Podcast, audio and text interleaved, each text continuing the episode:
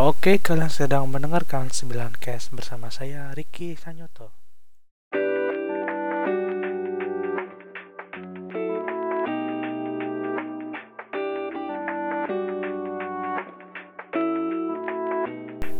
Oke, kalian sedang mendengarkan podcast 9 Cast untuk kali ini episode keempat dari 9 Cast pada bulan April 2021 ya.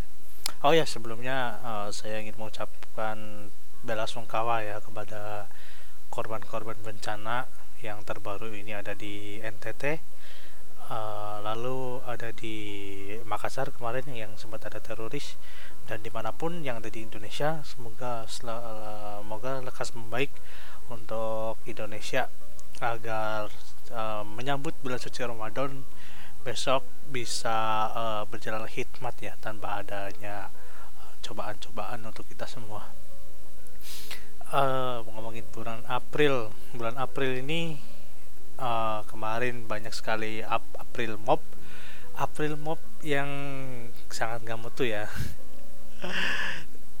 Salah satunya adalah April Mop di bulan April yaitu tentang corona ya. Untuk corona kemarin sempat ramai ketika uh, youtuber salah satu youtuber kondang di Indonesia mengadakan pesta ulang tahun dengan uh, artis menikah dengan artis dengan dihadiri oleh Bapak Presiden dan mantan uh, saingan pemilihan presiden yaitu Pak Prabowo sampai uh, pernikahan yang sangat megah ya menurut saya.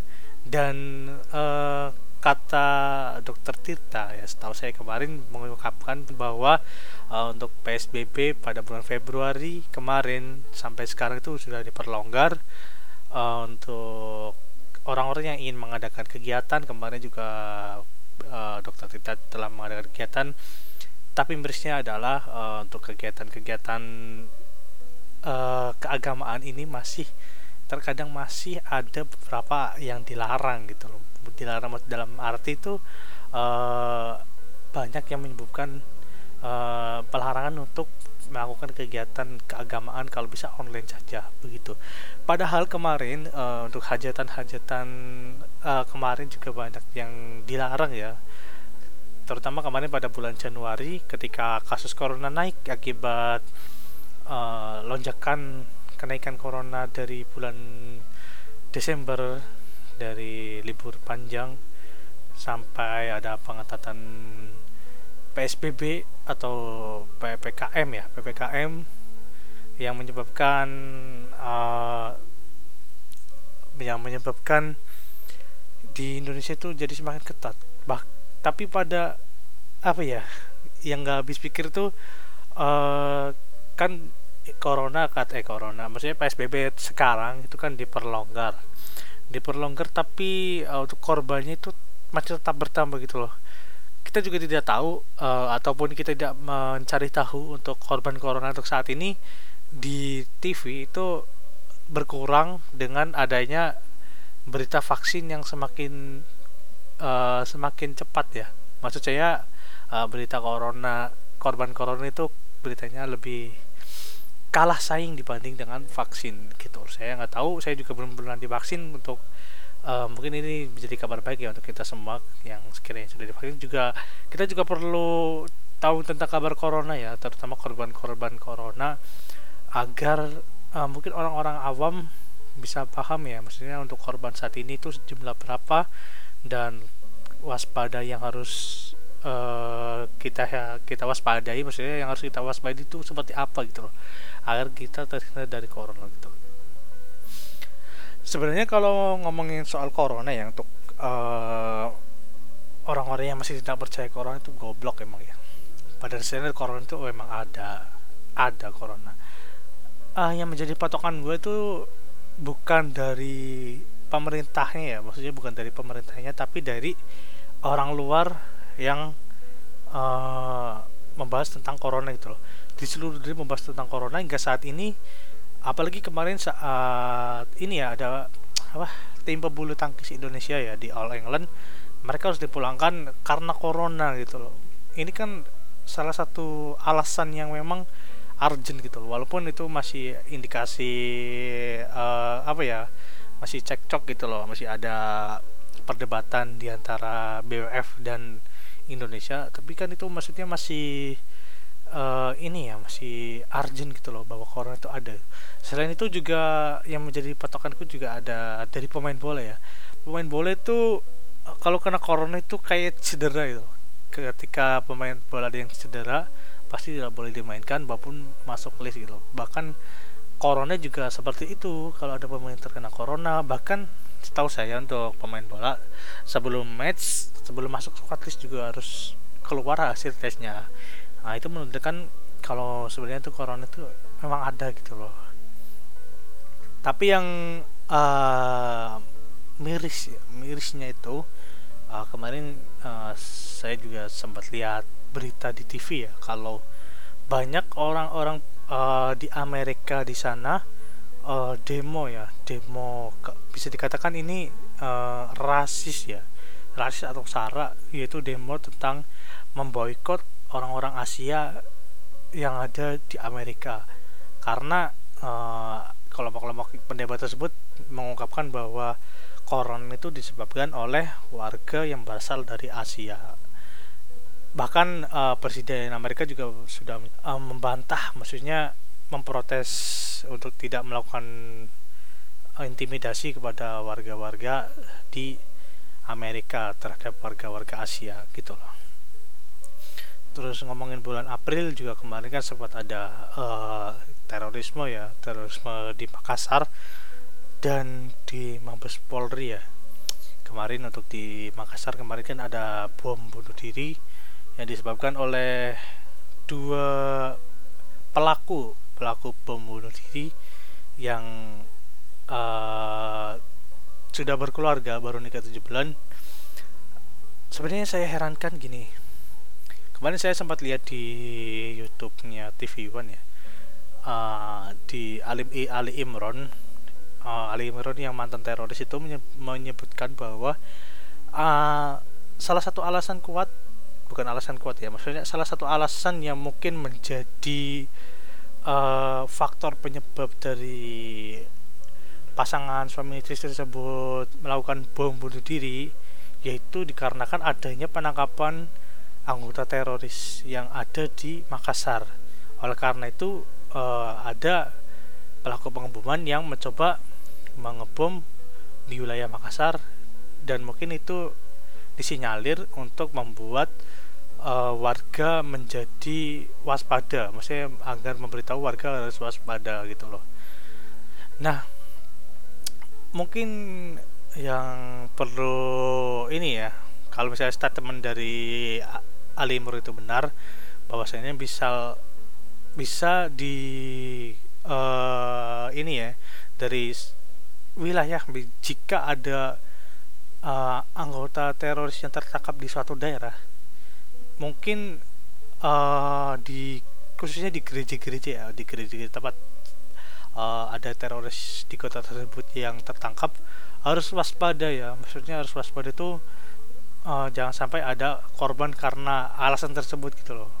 Ini sih bukan uh, mengintimidasi atau berspekulasi yang liar ya tentang gereja ataupun teroris. Itu mungkin menjadi antisipasi aja buat kita semuanya gitu loh dan oh ya tiga hari kemudian juga ada ini ya yang teroris lagi yang di Mabes Polri. Saya tahu info ini dari Twitter ya karena saya uh, tiba-tiba muncul di beranda ada seseorang yang mencoba menodongkan pistol di markas Mabes Polri. Eh markas markas besar Polri. Nah, uniknya di Twitter ini di Twitter ya banyak sekali yang mengungkapkan bahwa uh, ini konspirasi gitu. Maksudnya ada indikasi konspirasi dari uh, pelaku pengboban dan penembakan ini. Maksudnya perilaku terorisme di Indonesia ini yaitu disebut settingan gitu loh. Menurut ada beberapa akun Twitter yang mengatakan seperti itu. Iya mungkin kalau kalian mengatakan mengatakan kalau itu sebagai uh, settingan ya sah-sah aja karena kita kan tidak tahu fakta yang terjadi di lapangan seperti apa. Maksudnya uh, kalau menurut saya pribadi nih uh, yang pertama uh, dari pemerintah juga buat apa untuk mengadakan skenario tersebut sampai mengebom tempat gereja loh tempat ibadah itu jadikan settingan kalaupun itu settingan yang ngapain harus ngebom gereja itu itu kan udah menyangkut nyawa tidak cuma pelakunya ya itu juga menyangkut nyawa yang ada di gereja gitu loh. Dan uh, yang bilang itu settingan kalian ini gak sih paham perasaan dari pelaku yang sudah mati gitu loh? Bayangin udah capek-capek dia kan dia udah merakit bom udah bawa bom di uh, badannya di tasnya bawa pistol terus ketika dia mati dia korban dia berpikir mati syahid malah ada yang bilang itu settingan. Ya Allah. Maka dari itu uh, diharapkan untuk waspada ya buat kita semuanya. Di mana pun kalian berada tidak cuma di gereja ya. Bahkan teror untuk kadang untuk uh, beberapa umat agama lain juga kadang ada gitu loh lalu uh, ngomongin bulan April saya juga kebetulan masih di rumah. Saya masih dengan aktivitas seperti biasanya. Itu makan tidur makan tidur. Saya belum bimbingan skripsi saya belum mengerjakan skripsi. Ya sebetulnya kegiatan saya di rumah gitu. Lebih banyak menghabiskan waktu untuk tidur ya dan bermain game. Uh, mungkin ada yang kepo dengan aktivitas saya di rumah ya seperti itu dan tidak itu juga ya saya, saya di sini di rumah juga banyak sekali kebetulan ini masa pandemi ya banyak sekali teman-teman lama saya yang ada di rumah ya. Salah satunya adalah teman SD ya teman masa kecil SD kebetulan banyak yang di rumah kita juga sempat kumpul kumpul bareng ngobrol ngobrol bareng di rumah dan itu asik gitu loh. Dan uh, eh, gue punya ini ya punya statement bahwa teman uh, teman-teman sesungguhnya itu temanmu yang sesungguhnya itu teman yang ada di kampung halamanmu gitu loh. Teman yang memiliki satu daerah dengan kamu gitu. Menurut uh, menurutku itu teman yang ada di kampus itu gak, gak ada gitu loh teman teman yang benar-benar teman gitu loh. Ini uh, ini ya dari pendapatku aja ya. Karena yang pertama beda daerah beda bahasa lalu beda kebiasaan beda ke kultur. Terus beda kebiasaan udah ya tadi ya. Terus ya pokoknya seperti itulah. Kadang kalau kita bercandaan juga pasti ada aja gitu loh. Ada aja yang menjadi masalah gitu loh. Dan gue itu salah satu orang yang gak setuju bahwa ada orang yang bilang kalau uh, bercanda itu ada batasnya. Yang benar itu kalau menurut saya itu yaitu pertemanan kita itu ada batasnya. Jadi kalau misalnya kalian uh, bercanda bareng teman-temanmu uh, yang udah deket itu menurutku itu, udah gak ada batasnya. Maksudnya itu menurutku bercandaan seperti ini yang jika bercandaan seperti itu pernah dilakukan dengan teman dan teman itu tidak marah berarti itu emang bercanda itu nggak salah gitu loh. Menurut saya gitu. Jika ada yang bilang kalau bercanda ada batasnya berarti emang dalam pertemanan itu ada ada batasnya gitu loh. Jadi kita tidak sepenuhnya bisa berteman. Apalagi sampai membuat temanmu marah gitu, sampai tersinggung emang sih kalau misalnya marah atau tersinggung itu emang reaksi terhadap suatu hal gitu loh. Tapi kan marah atau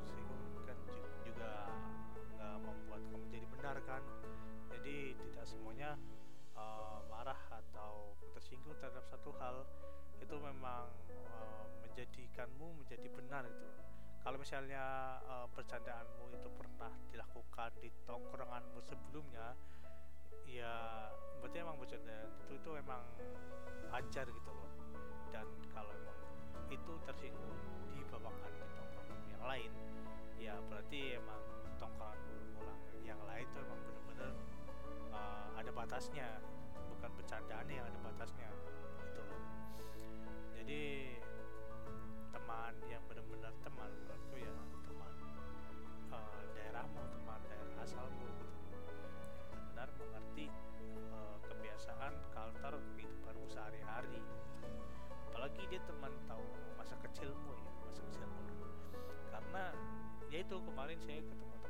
saya dan teman-teman.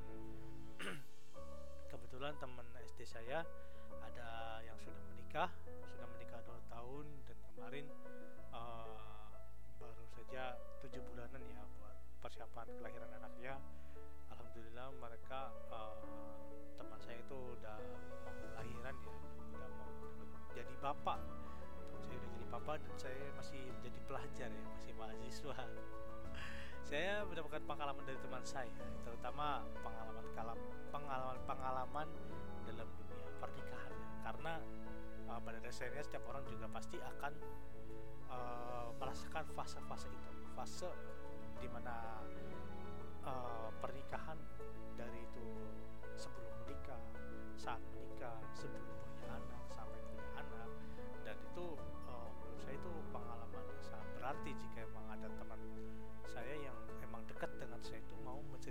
tersebut gitu loh. Karena apalagi ini cowok ya cowok itu kan uh, kalau ketemu tongkrongan cowoknya apalagi kalau misalnya malam itu kan udah cerita ke hal-hal yang lebih serius ya. Maksudnya uh, tongkrongan cowok itu lebih ke tongkrongan yang emang benar-benar tongkrongan gitu. Terutama cowok yang sudah menikah. Karena nggak mungkin ketika sudah menikah untuk cewek tongkrongan dengan teman ceweknya malam hari mereka nggak mungkin bahas bahas tentang pernikahannya ya. Maksud saya yang pertama mana uh, jika teman jika itu sudah menikah pasti uh, cewek itu sudah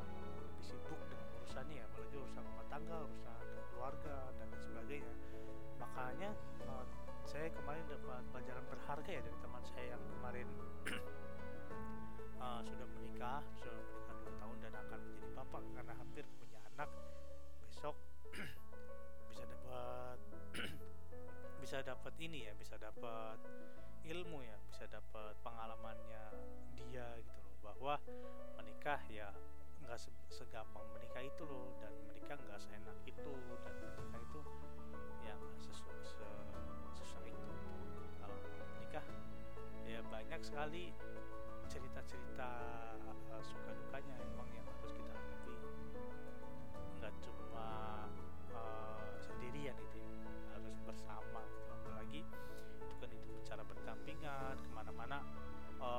teman saya ini kebetulan kemarin dulu ketemu ketemu saya sebelum menikah itu masih bebas ya. Kalau sekarang teman saya itu ke mana-mana harus pergi izin terus pulang izin pulang jam berapa harus ibarat itu emang benar-benar harus uh, berkewajiban memberi kabar gitu. Tidak hanya kalau pacaran kan kabarinnya ya sesuka hati kalian karena emang belum belum sah aja untuk menjadi pacar jadi banyak sekali uh, pengalaman-pengalaman ini ya saya di rumah salah satunya yang tidak mendapatkan banyak ilmu tentang kuliah tapi saya juga banyak mendapatkan pelajaran hidup yang dari teman-teman saya dari teman-teman SD saya di rumah begitu mungkin sekian saja untuk podcast kali ini. Sudah 18 menit. Uh, terima kasih sudah mendengarkan sampai habis kasih dan jika uh, kalian mendengarkan podcast ini sampai habis kalian bisa DM saya uh, eh triki nyatanya di Instagram ataupun di Twitter bilang ya saya udah mendengar sampai habis. Maksudnya atau enggak ya bilang uh, saya udah tahu podcastmu gitu sampai habis. Berarti kan podcast saya cukup menarik gitu, gitu. kalau saya masih saran juga nggak apa-apa lewat DM aja